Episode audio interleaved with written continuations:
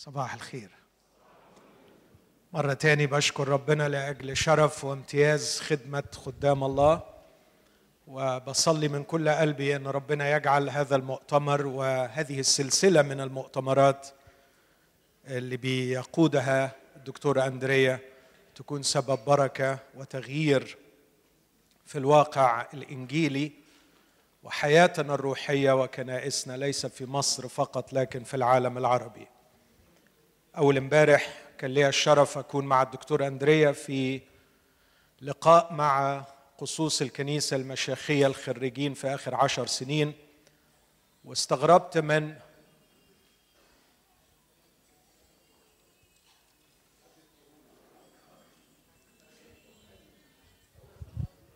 استغربت من طلب وسؤال من أكثر من أسيس إنه الأسوس مش لاقيين اللي يهتم بيهم من الناحية الروحية ويخدمهم.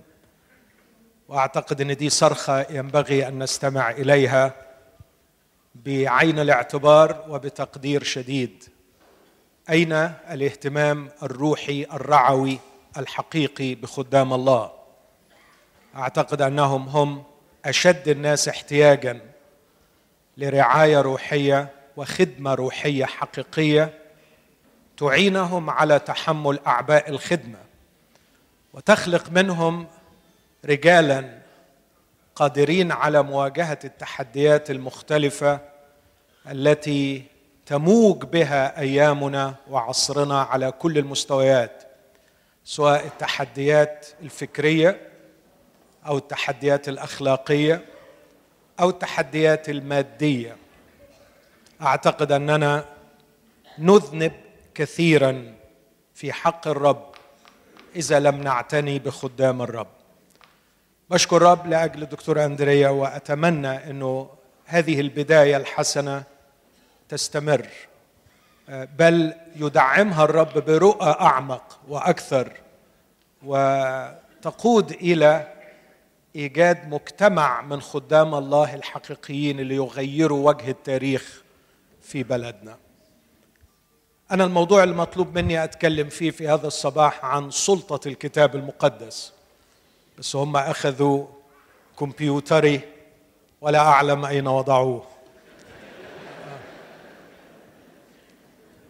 أخونا اللي خد مني اللابتوب يا ريت هاتولي من فضلك.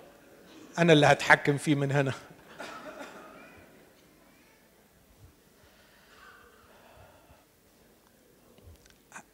هبدأ بقراءة النص الشهير جدا المؤسس لإيماننا. شكرا حبيبي. إيماننا بسلطة الكتاب المقدس. هل في أي إمكانية إنه يطلع على ما فيش إمكانية. للأسف كنت أتمنى إنه اللي هقوله يكون بيبان على السكرين علشان ما يحصلش اللي حصل امبارح إنكم ما تكونوش قادرين تتابعوني لكن هجتهد إني أقرأ ببطء. النص المؤسس الذي في كل علم للاهوت يحترم كأساس لوحي الكتاب المقدس وسلطته الكلمات اللي ذكرها الرسول بولس في رسالة تيموساوس الأولى تيموساوس الثانية عفوا أصحاح ثلاثة. يقول الرسول هذه الكلمات في عدد 16 كل الكتاب هو موحى به من الله. ونافع للتعليم والتوبيخ للتقويم والتأديب الذي في البر لكي يكون إنسان الله كاملا متاهبا لكل عمل صالح. نحن لا نبني إيماننا بسلطة الكتاب المقدس على هذا النص فقط لكن هذا النص بلا شك يعتبر من النصوص القوية التي نبني عليها هذا التعليم. العنوان اللي اخترته هو سلطة الكتاب المقدس بين الاحتقار ورد الاعتبار. سلطة الكتاب المقدس بين الاحتقار ورد الاعتبار.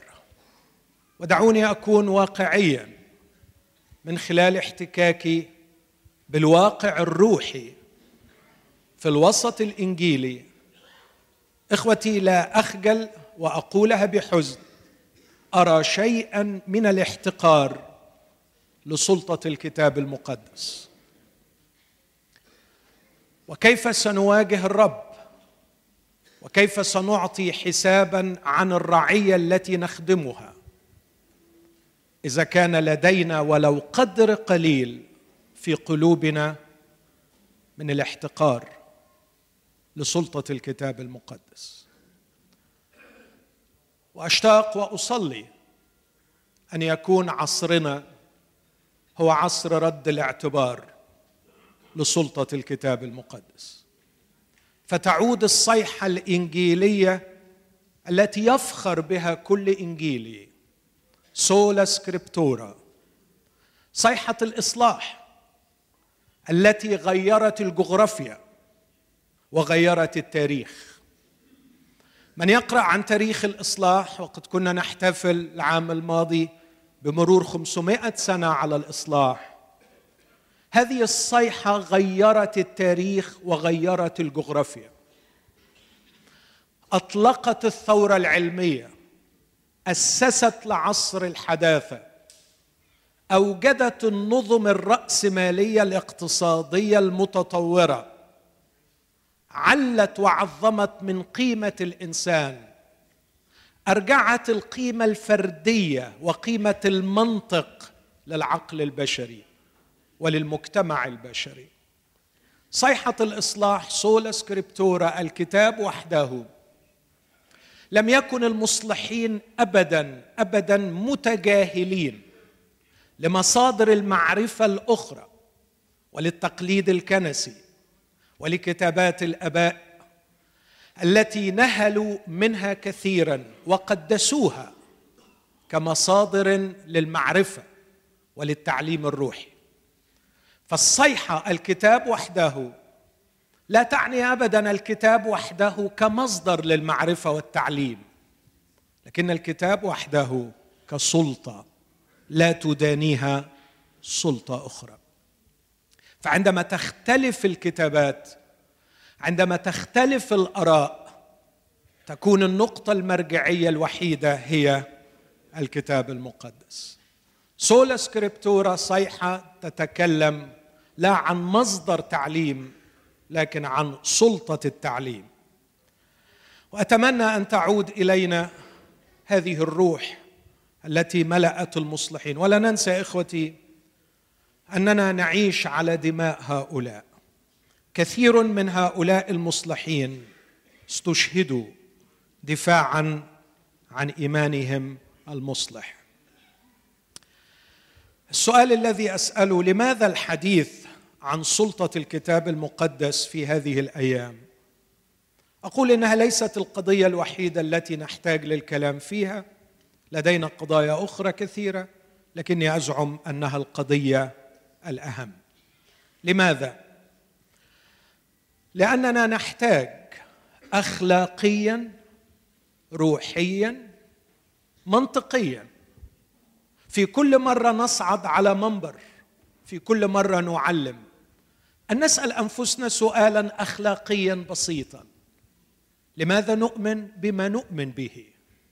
وبأي حق نعلم بما نعلم به؟ لماذا يا إخوتي إذا سألت نفسي أؤمن أن الخلاص بالإيمان والتبرير بالإيمان بنعمة الله؟ لماذا أؤمن أن المسيح هو الله؟ لماذا أؤمن أن المسيح ولد من عذراء؟ لماذا أؤمن وأبني كل إيمان المسيحي على أن المسيح قام من الأموات؟ وبأي حق أعطي لنفسي أن أعلم على أي أساس أعلم؟ هل منطقي يعلو على منطق الآخرين؟ هل أشعر في ذاتي أني أكثر علما من الآخرين؟ بأي سلطة نؤمن بما نؤمن به؟ وبأي سلطة نعلم بما نعلم به؟ أعتقد أن الإجابة الوحيدة التي ينبغي أن نصل إليها لأن الكتاب قال إذا لم نقل أن الكتاب قال لماذا نؤمن بما نؤمن به ولماذا نعلم بما نعلم به؟ البدائل؟ هل لأننا ورثناه؟ هل نحن نؤمن بما نؤمن به لمجرد أننا ورثناه؟ أم لأنه منطقي؟ أم لأن هذا تعليم الطائفة التي ننتمي إليها؟ في كل هذه الأحوال لقد جعلنا هذه الأشياء سلطة. فنحن شئنا أم أبينا؟ نرجع إلى سلطة. المشكلة مش هل في سلطة ولا ما فيش لكن السؤال هو ما هي سلطتنا؟ فيما نؤمن بما نؤمن به وفيما نعلم بما نعلم به. إذا لم يكن الكتاب المقدس فقد يكون الموروث وقد يكون المنطقي وقد يكون تعليم الطائفة. وفي كل هذه الأحوال اخلاقيا ومنطقيا لا يليق بخادم الله أن تكون هذه هي سلطته. لا يليق بي أن تكون السلطة هي لأني ورثته أو لأن طائفتي تعلم به أو لأن المنطق يحتم هذا. أعتقد إننا نحتاج إلى سلطة متجاوزة لكل هذا. السلطه هي سلطة الله من خلال كلمة الله. جون ستوت وهو يتكلم عن هذا الأمر. قال تشبيه أو أو قال شرح بسيط. الاسهل شيء إن إحنا نقول أن الكنيسة تستمع لصوت رأسها وقائدها وربها وملكها ألا وهو المسيح. لكن سيأتي السؤال ده كلام جون ستوت. وكيف تسمع الكنيسة لصوت ربها؟ ورأسها. كيف تسمع الكنيسة لصوت ربها ورأسها؟ أعتقد ليس لدينا إجابة تطمئن إليها قلوبنا إلا من خلال الكتاب المقدس. لا يستطيع واحد اليوم أن يفرض على الكنيسة كلاما يقول أنه سمعه من المسيح دون العودة للكتاب المقدس وإلا سنصير نهبا لشتى الخرافات وشتى الأساطير التي تفرزها عقول البشر على مر العصور حتى في داخل الكنيسة. لماذا أصبح لدينا شك في هذه المرحلة الأخيرة أو في هذه العقود الأخيرة من جهة سلطة الكتاب المقدس؟ إجابتي باختصار كعادتنا في بلادنا العربية نلحق بقطار الحداثة متاخرا. حتى للأسف بعدما يكون قطار الحداثة قد فات أوانه في البلاد الغربية. أوضح بلغة أبسط. العالم الغربي منذ 1970 75 دخل في عصر ما بعد الحداثة. لكن نحن في العقود الأخيرة بدأنا ننتقل في هذه المنطقة فقط ويا ليتنا انتقلنا في مناطق أخرى إلى الحداثة لكن انتقلنا في منطقة نظرتنا للكتاب المقدس إلى الحداثة عصر الحداثة هو الذي ساد وانتشر في أوروبا في القرن بدءا من القرن السابع عشر ثم القرن الثامن عشر والقرن التاسع عشر. وفي نهايات القرن العشرين بدأ يودع عصر الحداثة ويدخل إلى عصر ما بعد الحداثة. في عصر الحداثة ابتهج ابتهج العقل الغربي بالنهضة الفكرية والعلمية التي وصلت إليها البلاد. فبدأ يخضع كل شيء للنقد للتحليل للمساءلة. وكان هذا حسنا. ومطلوبا. ولقد أنقذ البشرية من خرافات كثيرة. ونحن في شديد الاحتياج لعودة العقل إلى عرشه لينقض ويحلل ويخضع كل شيء للبحث والتحليل. لكن هذا العقل الغربي في ابتهاجه بهذه النهضة الفكرية يقول عنها ويل ديورانت في مجلده العظيم قصة الحضارة. بعد أن ناقشوا عصمة البابا لم يعودوا يناقشون عصمة البابا لكن عصمة الكتاب المقدس. ولم يعودوا يناقشون سلطة البابا لكن سلطة الكتاب المقدس. لقد أخضعوا كل شيء للنقد ولم يميزوا بين الطبيعي وما هو فوق طبيعي. بين ما هو في حدود بشريتنا وما يتجاوز الحدود البشرية. اسمحوا لي أقتبس من مفكر مسيحي رائع اسمه ليزلي نيوبيجن. يقول هذه الكلمات وهو مفكر له احترامه. يقول النقد الغربي مبتهجا بما حققه من إنجاز عظيم في نقد التراث الفكري الإنساني.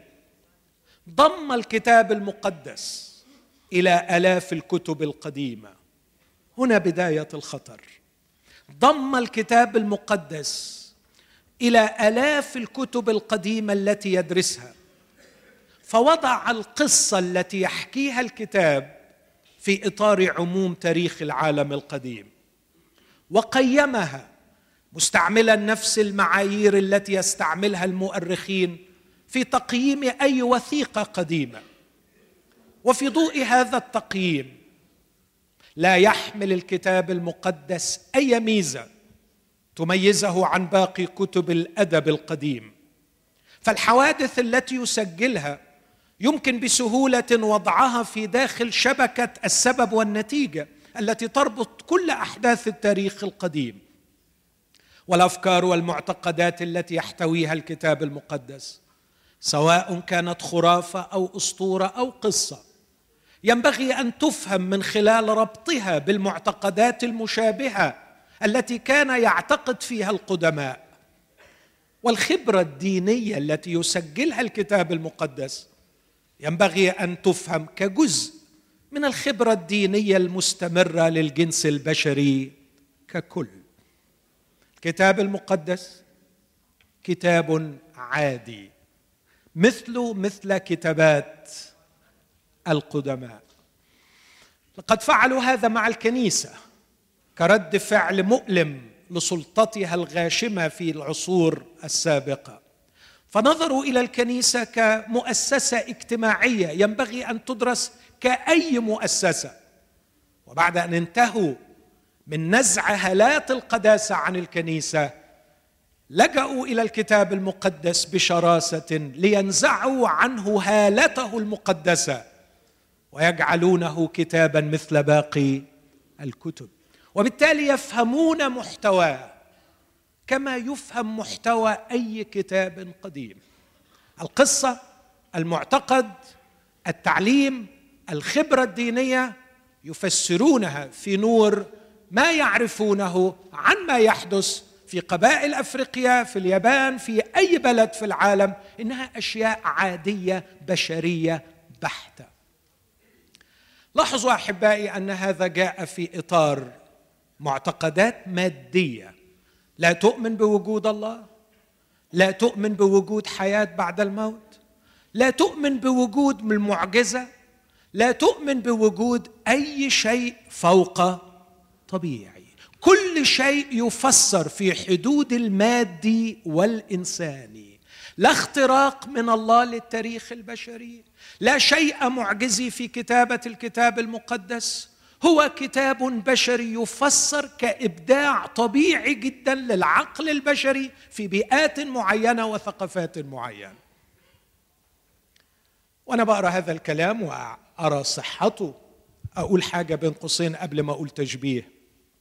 أقول إنه هذا الكلام أكل عليه الزمن وشرب في أوروبا في عصور التنوير وقام في مواجهته مدافعين أشداء رجال كرسوا أنفسهم ليثبتوا أن هذا الكلام غير صحيح. لكن على ما انتقل إلى بلادنا انتقل مؤخرا. بعدما كان اللاهوتيين المسيحيين أشبعوا هذه النظريات دحضا وهدما ابتدأ يعود إلينا هنا وللأسف يتبناه البعض من أقول المشتاقين إلى العصرنه المشتاقين إلى ارتداء ثوب الحداثة. لكن أقول تشبيه وعلق تعليق. التشبيه أتذكر هذه القصة التي لا أعرف من حكاها. عن ثلاث أبناء كبرت أمهم وشاخت جدا وهم كانوا أغنياء جدا فأرادوا أن يكرموا أمهم أعظم إكرام. فواحد منهم اشترى لها ببغان ببليون دولار يغني لها أغاني ويسليها في وحدتها. وآخر اشترى لها قصرا عظيم على بحيرة جميلة. واخر اشترى لها بيانو من أعظم ال ال ال الآلات التي اخترعها عالم الموسيقى في يومهم لأنه كان يعرف أن أمه تعزف جيدا على البيانو. لقد أرادوا أن يسعدوها. بعد فترة جم يزوروها. فالأول قال لها آه يا ماما إيه رأيك؟ شايفة القصر والليك. قالت له يا حبيبي أنا متشكرة بس أنا عينيا ضعفت فمش شايفة أي حاجة. وبتسند على الأثاث ومش فارق معايا. والتاني قال لها وايه أخبار البيانو؟ قالت له يا ابني إيديا متخشبة ما بعرفش. أعزف. والتالت قال لها إيه أخبار الببغاء؟ قالت له ببغان إيه يا حبيبي؟ الفرخة اللي جبتها لي أنا سلقتها امبارح وكلتها.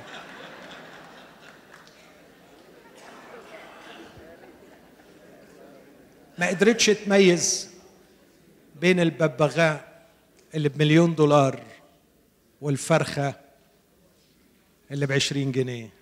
مفيش فرخة بعشرين جنيه دلوقتي. وأقول بكل أسى إن الذين تعاملوا مع هذا الكتاب على أنه مجرد كتاب بشري أنتجته عقول بشرية صرف بدون أي عنصر إلهي ما بيميزوش بين الفرخة والببغاء. يروها مجرد كلها كتابات. دعوني أقرر أن الكتاب المقدس كتبته أقلام بشرية بلغة بشرية متأثرة جدا بالبيئة الحضارية التي كتبوا فيها.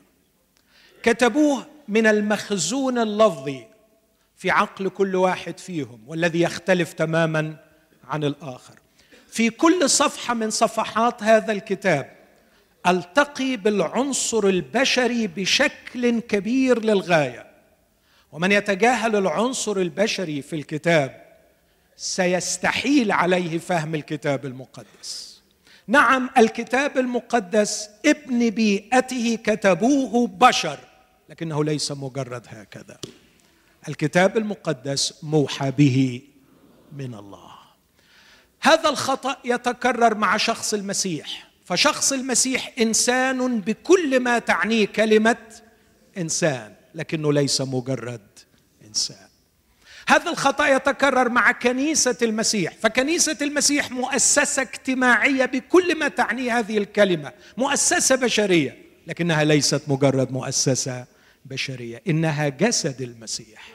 هذا هو الخطأ الذي نخطئه دائما الرؤية الأحادية. إننا لا نتحمل التعقيد ونبغي التبسيط لكن كثيرا ما يقود التبسيط إلى الهلاك. عندما نختزل المسيح إلى مجرد إنسان عندما نختزل الكنيسة إلى مجرد مؤسسة اجتماعية ونتجاهل أنها بيت الله ومسكن الروح القدس عندما نتجاهل أن الكتاب المقدس هو كلمة الله وننظر إليه على أنه مجرد كتاب. بشري بحت. هذه هي المشكلة التي تستدعينا أن نتكلم عن سلطة الكتاب المقدس. لكن وإحنا بنتكلم عن سلطة الكتاب المقدس كلمة السلطة في هذه الأيام أصبحت سيئة السمعة. وأصبحنا لدينا حساسية من كلمة السلطة. والحقيقة في حق عند الناس اللي عندهم حساسية من جهتها. ولا سيما السلطة الدينية. في عصر ما بعد الحداثة يرفضون تماما فكرة الحق المطلق لأنه بيعتبروا إن أي شخص بيقول إنه بينادي بالحق المطلق هو مش قضيته الحق هو قضيته إنه بيبحث عن سلطة يريد أن يفرضها على الآخرين. والكلام ده مظبوط إلى حد كبير. مرات كثيرة من يدعون أنهم يملكون الحق لا يفعلون هذا حبا في الحق لكن رغبة في السلطة على الآخرين. وما أشر هذا وما أبعده عن فكر المسيح يسوع الذي جاء لا ليخدم بل ليخدم. المسيح كان يتكلم عن الحق لخدمة الإنسان فالسبت جعل من أجل الإنسان وليس الإنسان من أجل السبت فالحق أساسا لخدمة الإنسان. لكن عندما نتكلم عن السلطة دعوني أقول لا أقصد بالسلطة إلا النقطة المرجعية. نحتاج إلى نقطة مرجعية في كل شيء نتكلم فيه أو نحكي فيه. ودي تشبيه بيقولوا رافي زكراياس كتير في مسألة أهمية النقطة المرجعية. بيقول تخيل إنك بتقود السيارة ووقفت في إشارة وبعدين فجأة ابتدت السيارات تتحرك. فأنت مش مدرك قوي أنت اللي بتتحرك ولا السيارة اللي جنبك. واخدين بالكم من الفكرة دي؟ بتحصل مع معظمنا. فبيقول الحل الوحيد ساعتها عشان تعرف أنت اللي بتتحرك ممكن تكون فعلا فرملك سايبة ودي تبقى مشكلة عشان تعرف بتنظر إلى شيء ثابت. تنظر إلى عمود نور تنظر إلى مبنى. بعدين بيقول افترض جدلا إن العمود ساعة ما بصيت إليه هو كمان تحرك إيه الحالة اللي هتكون فيها؟ حالة مزرية من التوهان واللخبطة. نحتاج لشيء ثابت. نحتاج لشيء يمكن الرجوع إليه كمصدر موثوق فيه. مين أعتبره ثابت؟ لا يتغير. أقف أمام كلام المسيح بكل احترام ولا يمكن أن ينقض المكتوب. كم من أقوال بشرية عاشت آلاف السنين وفي النهاية نقدت هل أرجع إلى سلطة دينية؟ هل أرجع إلى موروث اجتماعي؟ إخوتي عندما أتكلم عن السلطة أتكلم عن احتياجنا النفسي والروحي والأخلاقي إلى نقطة مرجعية. هذه النقطة المرجعية بدونها لا معنى لأي شيء. هذا ما أقر به حتى أقوى الملحدين مثل جان بول سارتر. يقول لا معنى لنقطة محدودة بدون الرجوع لنقطة مرجعية غير محدودة. أنا بقتبس من سارتر. لا معنى لنقطة محدودة بدون الرجوع لنقطة مرجعية غير محدودة. نيتشه رامز كان بيصلي معايا من شوية وقال في الصلاة بتاعته يا رب. يعني ما معناه يا رامز اللي فهمته من صلاتك؟ اوعى تتفلسف يا ماهر الناس ما بتستحملش فلسفة. يعني ده اللي فهمته من صلاتك. وأنا أنا مقدر ده جدا. وبشكر نصيحة رامز أخ غالي وأكبر وحبيب وصديق. وأنا فعلا مش هتفلسف بس ما أعتقدش مهما كان جهلنا بالفلسفة ما نعرفش نيتشه أو ما سمعناش عن نيتشه. نيتشه صاحب القول الشهير الله مات. والبعض يتصور خطأ أن نيتشه كان يروج لموت الله. الحقيقة نيتشه كان قصده غير كده. نيتشه كان قصده أن العصر اللي عاشوا فيه نادى بموت الإله وكان عايز يشرح للمجتمع ما هي العواقب التي عليهم أن يواجهوها بعد أن مات الله. وأنا هقرأ الكلام اللي قاله في رواية مشهورة اسمها الرجل المجنون ذا ماد مان لكن عايز أطبق ده وأنا بسمعه. إذا نادينا بموت الكتاب المقدس باعتباره كتاب الله أين سنذهب؟ ما هي المرجعية التي سنرجع إليها ونحتكم إليها؟ فين النقطة الثابتة؟ اسمعوا يقول إيه نيتشه في قصة الرجل المجنون. يقول بعد موت الله ألسنا في حركة دائبة فإلى أين المصير؟ اسمعوا أرجوكم شوفوا الفكر البشري في إبداعه. بيقول كلام ما بينتبهش إليه المؤمنين. إلى أين المصير؟ هل بقي لدينا أعلى وأسفل؟ يمين ويسار؟ هل نحن نتجه للخلف أم للأمام؟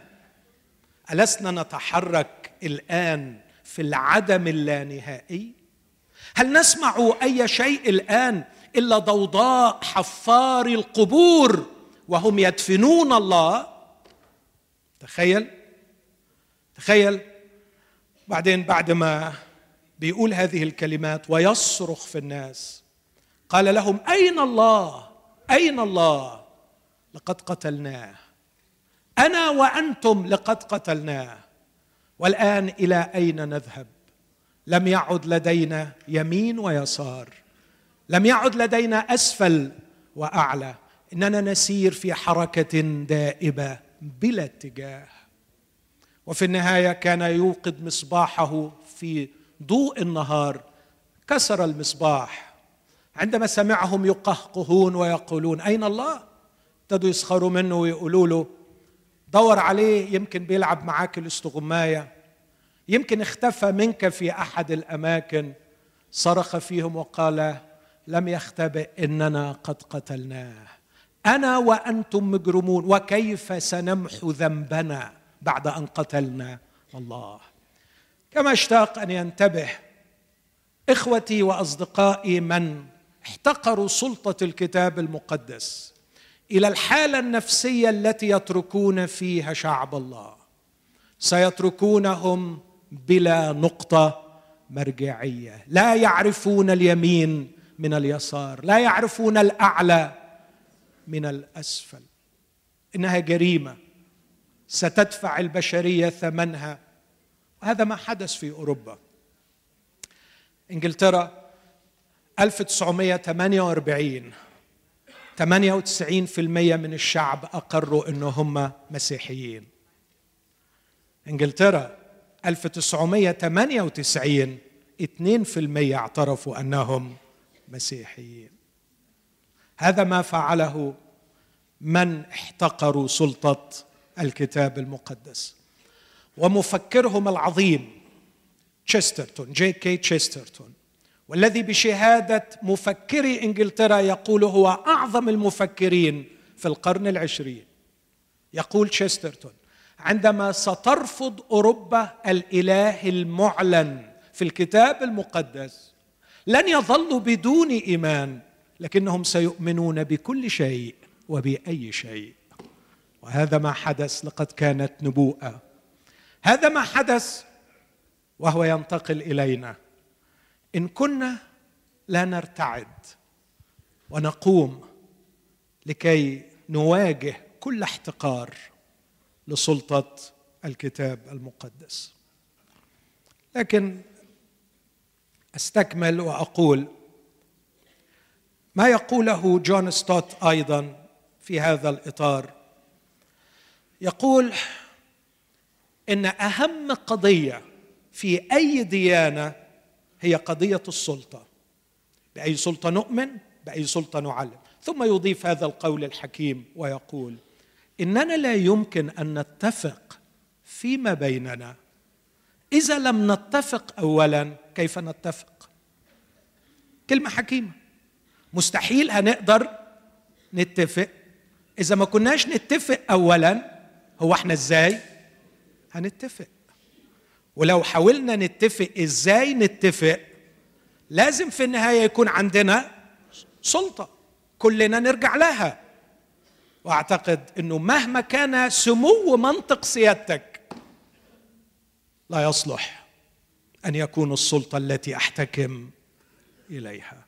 فمنطقك مهما كانت عظمته هو منطق بشري محدود.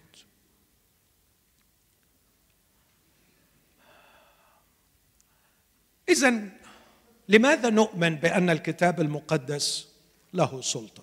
أرجوكم تعتبروا اللي فات كان المقدمة.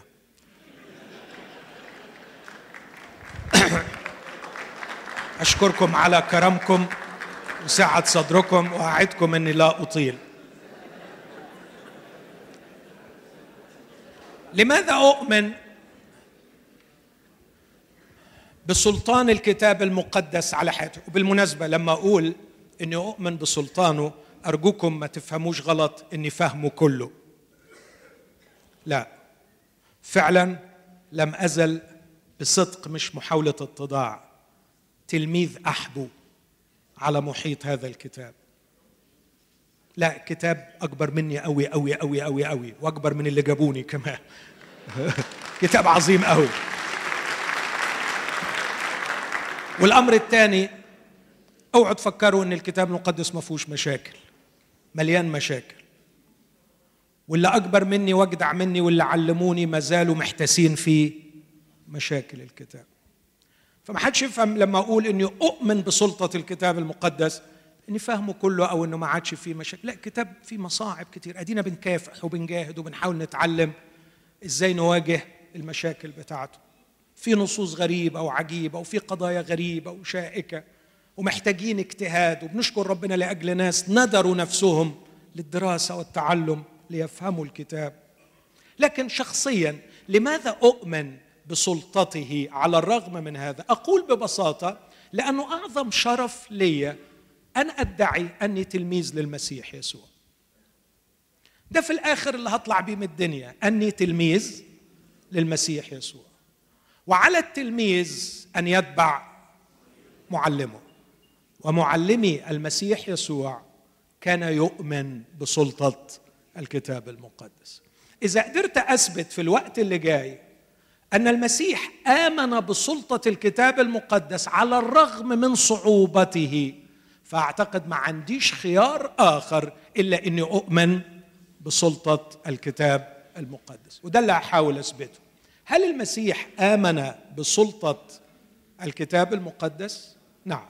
خلوني أسوق الحجة دي في أربع فرضيات وخلاصة. أقول وثائق العهد الجديد.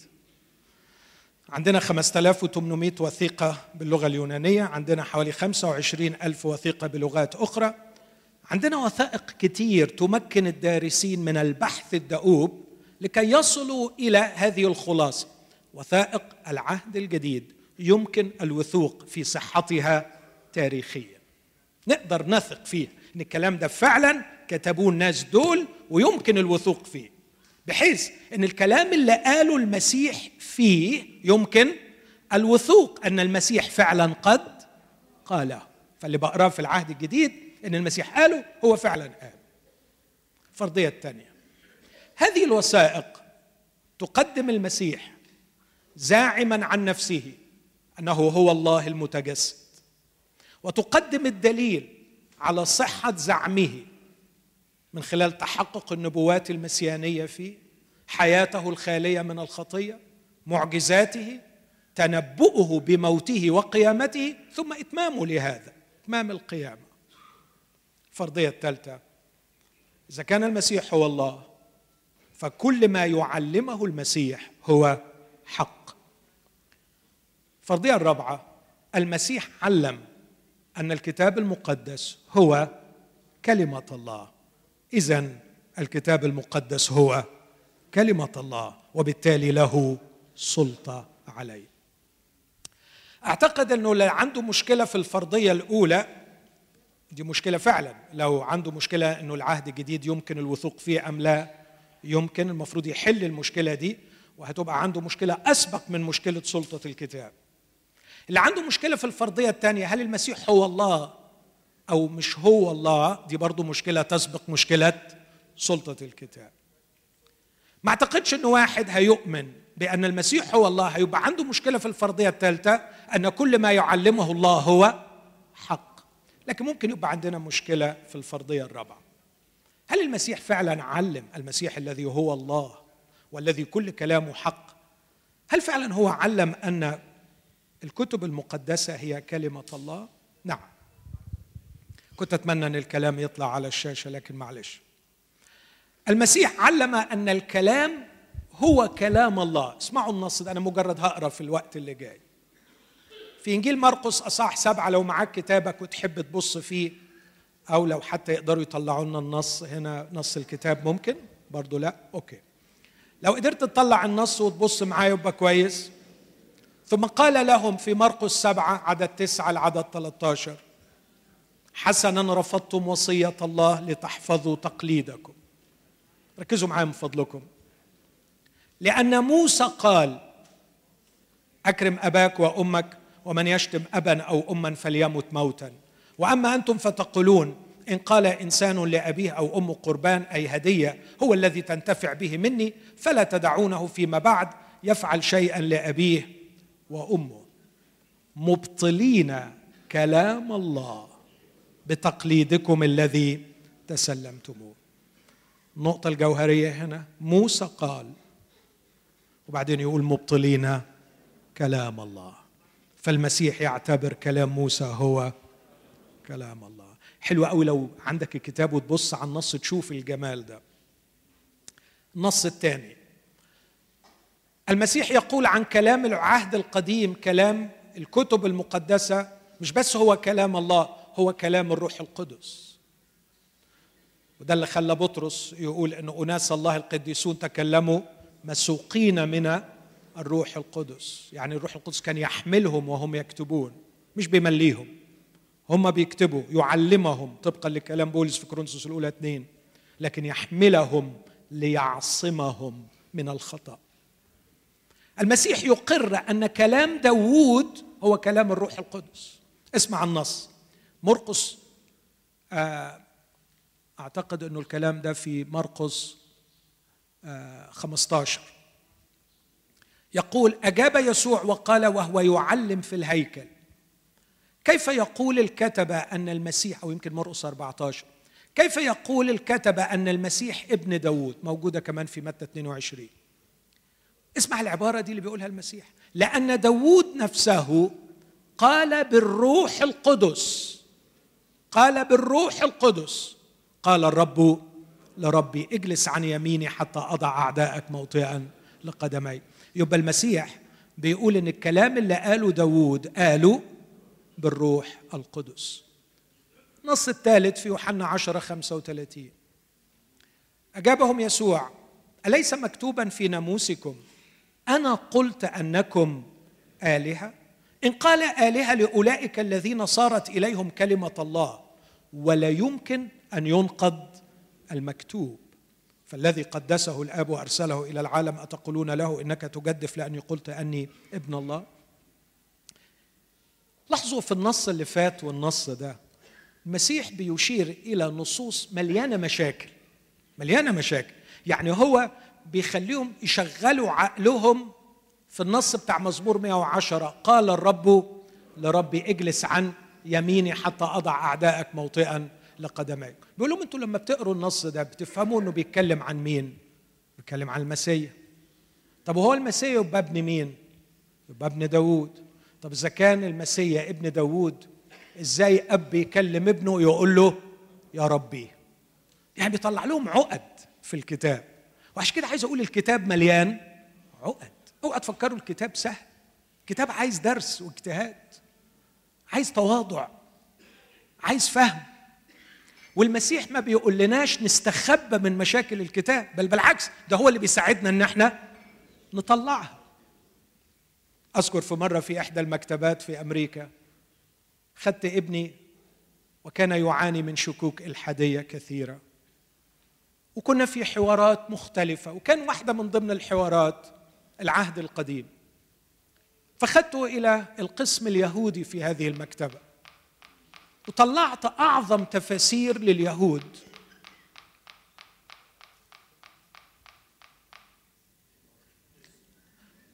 تستك طلعت أعظم تفاسير لليهود لمعلمي اليهود في عصور مختلفة لإشعيا 53 وقعدنا على الأرض وفرشنا الكتب. قلت له اقرأ أنت حبيبي. كيف يفسر اليهود هذا النص اللي في إشعيا 53 وهو نفسه أرى بحيادية. بعدين قال لي ده تهريج. الكلام اللي بيقولوه ملهوش أي علاقة بالنص المكتوب. كان صعبا عليهم. والمسيح يشير إلى هذه الصعوبات. وإحنا لازم نحترم إن في صعوبات. هنا برضو في النص بتاع مزمور 82 أنا كاتب عنده تعليق كاتب عنه تعليق. نص صغير في مزمور مغمور يحتوي على فكر صعب القبول يحاجج به المسيح من جهة ألوهيته ويقول عنه لا يمكن أن ينقض المكتوب. يعني شوف لك حتة تاني. ماله إشعيا تسعة يدعى اسمه إلها قديرا أبا أبدين ما هو ده يثبت لاهوتك. راح جاب نص من مزمور 82 أنا قلت أنكم يا عم ده نص لغاية النهاردة إحنا تعبانين في فهمه. لكن يقول عن النص ده لا يمكن أن ينقد ودي أسلوب منطقي جبار. إذا قدرت تثبت صحة الأضعف فخلاص الأقوى أنت مش محتاج تثبته. إذا كان المسيح بيصادق على الأضعف وبيقول إنه ده لا يمكن أن ينقد يبقى أي نص تاني لا يمكن أن ينقد المسيح أقر بسلطان الكتاب المقدس حتى لو كان الكلام المكتوب ليس نطق به الله لكن مجرد تعليق من كاتب الكتاب. أوضح قصدي. في متى 19 جاء إليه الفريسيون ليجربوه قائلين هل يحل للرجل أن يطلق امرأته لكل سبب؟ أجاب وقال لهم أما قرأتم؟ أما قرأتم؟ دي كانت كلمة دايما يقولها. أن الذي خلق من البدء خلقهما ذكرا وأنثى. وبعدين يقول وقال. خلق وقال. قال من أجل هذا يترك الرجل أباه وأمه ويلتصق بامرأته ويكون الاثنان جسدا واحدا. لما ترجع للكلام ده في تكوين اثنين ما تلاقيش أن الله هو اللي قال. الله أحضرها إليه وبعدين خدها وهو قال هذه عظم من عظمي ولحم من لحمي هذه تدعى امرأة. فكاتب سفر التكوين يقول تعليق من عنده لهذا يترك الرجل. الرجل بيعلق على المنظر بيقول لهذا يترك الرجل أباه وأمه ويلتصق بامرأته المسيح ياخد تعليق الراجل ده ويقول إن مين اللي قاله؟ الله هو اللي قال كان يعترف بسلطة الكتاب في حياته الشخصية. ما كانتش مسألة مجرد تعليم عايز يمجد الكتب المقدسة لكن في حياته الشخصية أعتقد أن أعظم مثال وهو بعيد عن الأعين في التجربة على الجبل. عندما جربه إبليس كان درعه وسيفه وحجته هو كلمة مكتوب. مكتوب. اسمع النص ده. قال له إبليس بعد أن أراه جميع ممالك العالم أعطيك هذه جميعها إن خررت وسجدت لي. أنا هنا أسجد أمام سيدي يسوع المسيح. بصراحة لأنه كان ممكن يكون عنده كذا رد. أبسط رد يقول له اختشي عيب صح ولا مش صح؟ تخيل الشيطان جاي يقول للمسيح اركع لي. الرد البسيط يقول له اختشي قليل الأدب. إيه الكلام الفارغ اللي بتقوله ده؟ ده أنت ما تقدرش تطلبها من موسى ولا من إيليا ولا ده أنت لو طلبتها من أي خادم من خدام يدي لك على وشك. أو ممكن يقول له أين المنطق في كلامك؟ المسيح بكل اتضاع أقف برهبة أمامه. إبليس بيقول له اركع لي. يقول له لا مش هركع لك مش لأن ده عيب. أو ما يصحش. وأنت عارف أنا مين. لكن يقول له اذهب يا شيطان لأنه مكتوب. تخيل. مش عايزني أتبع المسيح وأحترم المكتوب. وأنا أرى المسيح هكذا يتعامل مع المكتوب.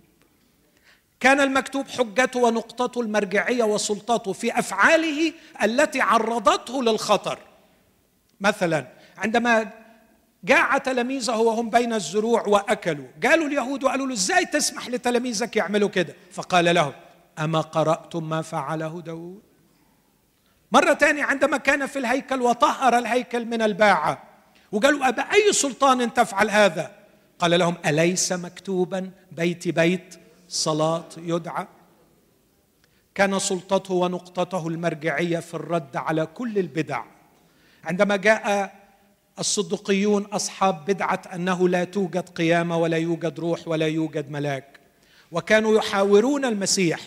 قال لهم المسيح أفما قرأتم في كتاب موسى في أمر العليقة؟ كيف كلمه الله قائلا أنا إله إبراهيم. لذلك تضلون إذ لا تعرفون الكتب ولا قوة الله.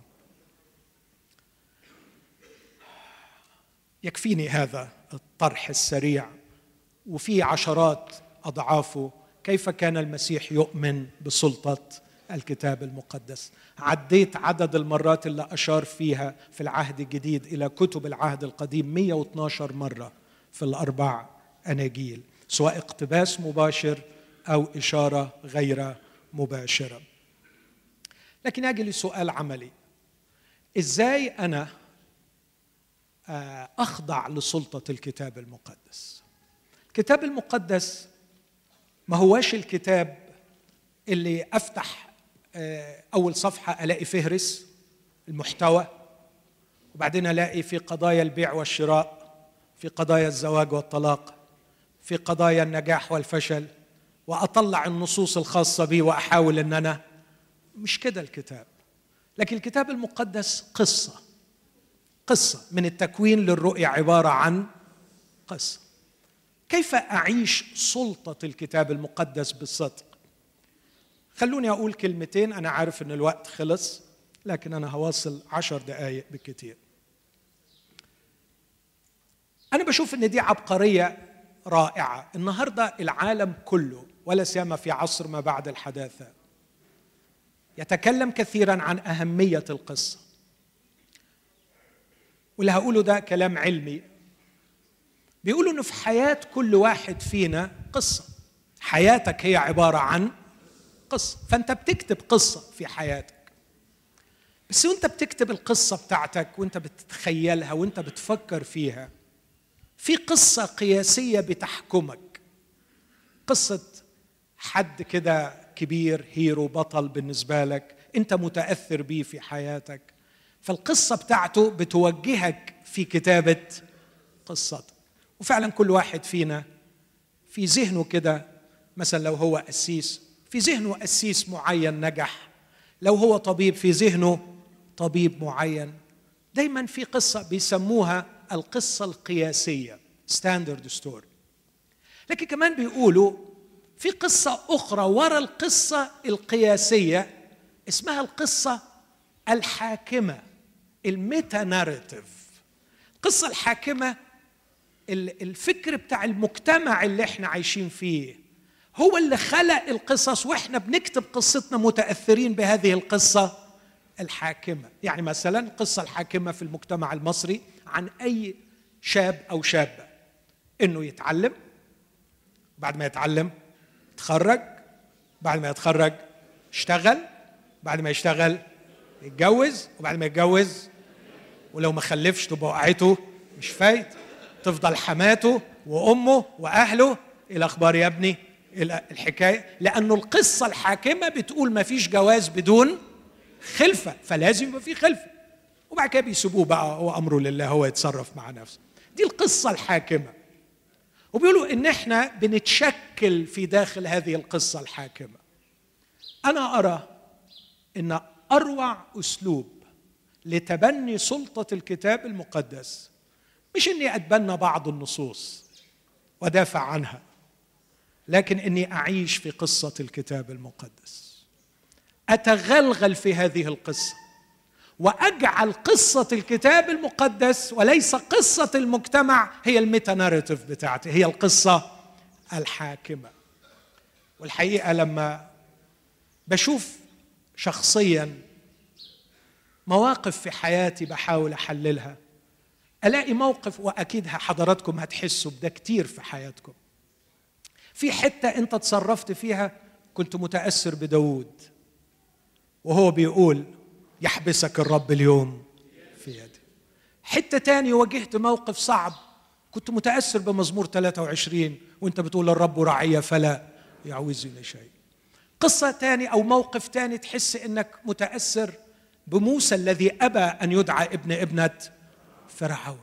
نحن نحتاج أن نغوص في القصة القديمة ونتغلغل في الآتيات ثم نكتب قصتنا الحالية طبقا لهذه القصة الحاكمة الكبيرة. هكذا أفهم سلطة الكتاب المقدس. لكن انتزاع بعض النصوص وبناء عليها تعاليم كثيرة لا تتسق مع بقية القصة أمر في منتهى الخطورة. سلطة الكتاب المقدس في أن تصيغ قصتنا. أقول نص يؤكد هذه الفكرة. مركزين معايا؟ أنا وعدكم خلاص. يعني هم ثلاث دقائق في إنجيل يوحنا أصحاح 8 وعدد 31 جاء إلى يسوع عدد كبير من الذين آمنوا به. ركز معايا. كتاب بيقول إنهم آمنوا لسبب الآيات التي رأوا. وده بيحط عندي شخصيا علامة استفهام كبيرة على اللي آمنوا بالمسيح لمجرد إنهم رأوا الآيات. يقول الكتاب هذه الكلمات. اليهود قالوا ألعل المسيح إذا جاء المسيح إذا جاء يفعل آيات أكثر من هذا؟ مش ممكن. إذا هو المسيح. اسمع المسيح يقول لهم إيه. فقال يسوع لليهود الذين آمنوا به إن ثبتتم في كلامي فبالحقيقة تكونون تلاميذي وتعرفون الحق والحق يحرركم. فقالوا له إننا ذرية إبراهيم ولم نستعبد لأحد قط. خلص الحديث أنتم من أب هو إبليس. دول مؤمنين ولاد إبليس. تصور؟ هل ده من الممكن إنه يحصل؟ آه. طب إيه الحل للقضية دي؟ المسيح قال لهم بصوا إن ثبتتم في كلام. كلمة ثبتتم تكررت عشرات المرات في اللغة اليونانية في إنجيل يوحنا بمعنى السكنه والإقامة. مش ثبتتم يعني حفظتم نص. تقيموا في كلامي. تسكنوا في قصة الكتاب المقدس. تعيشوا من تكوين واحد لرؤية 22 وانتوا بتتغلغلوا في القصة وتجعلوا القصة تتغلغل فيكم. إن ثبتتم في كلام إن أقمتم وسكنتم واستقريتم في كلامي ستكونون تلاميذي. الإيمان يقودكم للتلمذة. تعيشون تلاميذي. وساعتها هتعيشوا رحلة شفاء. تعرفون الحق والحق يحرركم. بدون السكنة في الكلمة. لا إيمان حقيقي لا تلمذة لا حرية من الخطية. أختم بكلمات ختامية. فأقول سبيرجن أمير المنبر الإنجليزي لغاية النهاردة يقولوا ما ظهرش واحد يحل محله. يقول عن يوحنا بنيان أعتقد اللي ما يعرفش سبيرجن على الأقل يعرف يوحنا بنيان. بيقول إيه؟ سبيرجن امسك بإبرة وشك يوحنا بنيان في أي نقطة في جسده. ستكتشف على الفور أن دمه يسيل منه الكتاب المقدس. فخلاصات الكتاب المقدس خلاصات أنا ما لقيتش كلمة أفضل من خلاصات لكن هو يقول the very essence of the Bible. إن جوهر وخلاصة الكتاب المقدس تتدفق من عروقه. إنه لا يتكلم قط دون أن يقتبس نصا من الكتاب. هذا لأن نفسه قد امتلأت بكلمة الله. أقول يا إخوتي الكتاب المقدس في اعتقاد المسيح الذي هو الله المتجسد هو كلمة الله. قد ظهر جليا في موقفه العملي منه في حياته الشخصية في عظاته في مواجهاته الفكرية مع مقاوميه. هو كلمة الله ده إيمان المسيح. بمعنى أن الله هو المؤلف النهائي لها. وهذا لا يتعارض قط مع كون الكتاب المقدس عبارة عن مجموعة من الكتب كتبها بشر. هم أبناء ثقافاتهم وبيئاتهم. تبرز بقوة ملامح شخصياتهم في كتاباتهم. كتبوها في أشكال أدبية هي بنت عصرها. بلغة استمد مفرداتها من المخزون اللفظي الخاص بكل واحد منهم. وقد اقتبسوا أحيانا في كتاباتهم من التراث الفكري أو الإنساني المعاصر لهم أو السابق عليهم. وقد خضعت كتاباتهم في بعض الأحيان للنقل من التقليد الشفوي أو التحرير لكن يبقى أنها كلمة الله. اننا لا نتجاهل واقعها البشري لكننا كالمسيح نؤمن أنها كلمة الله. وأقول كلمة ختامية لنا كإنجيليين احتملوني فيها. التراث الإنجيلي الخالد حجر أساسه هو سلطة الكتاب المقدس وحده. وإذا اهتزت سلطة الكتاب على عقول وضمائر الإنجيليين يكونون قد بدأوا رحلتهم للزوال والدخول إلى متاحف التاريخ. مدعي العصرنه أقول أيضا مدعي العصرنه على فكرة الرب عايزنا نكون عصريين جدا ومطلعين على كل علوم العصر. وده لن يهز إيماننا قط بكلمة الله. لما بنقرأ النقد الكتابي بالمناسبة أفادنا جدا. لما بنقرأ النقد اللي عملوه النقاد خلانا فعلا فعلا نحب الكتاب أكتر. فتحوا عينينا على مشاكل في الكتاب إحنا ما كناش واخدين بالنا منها. وعشان كده إحنا مديونين ليهم بالشكر. قال واحد تشبيه جميل. عندما تقع عندما تضع قطعة نسيج تحت الميكروسكوب تكتشف عيوبها مهما كانت جميلة في الخارج. لكن عندما تضع بتلة زهرة تحت الميكروسكوب تكتشف جمالا لم تكن تعرفه من قبل. هكذا الكتاب المقدس.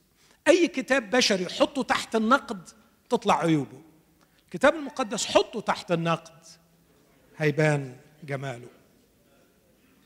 مدعي العصرنه الذين يلهون ويتسلون بتهديد عرش الكتاب المقدس في قلوب الإنجيليين. اسمعوني من فضلكم. هم يقتلعون جذور أولادنا من تراثهم المسيحي ونحن غافلين. وعندما يأتي الجيل القادم ملحدا كما حدث في أوروبا سيكون هؤلاء اللاهون قد طواهم النسيان كما طوى غيرهم من قبلهم. لكن سيشهد التاريخ على خزينا بأننا قد قصرنا في حماية أولادنا.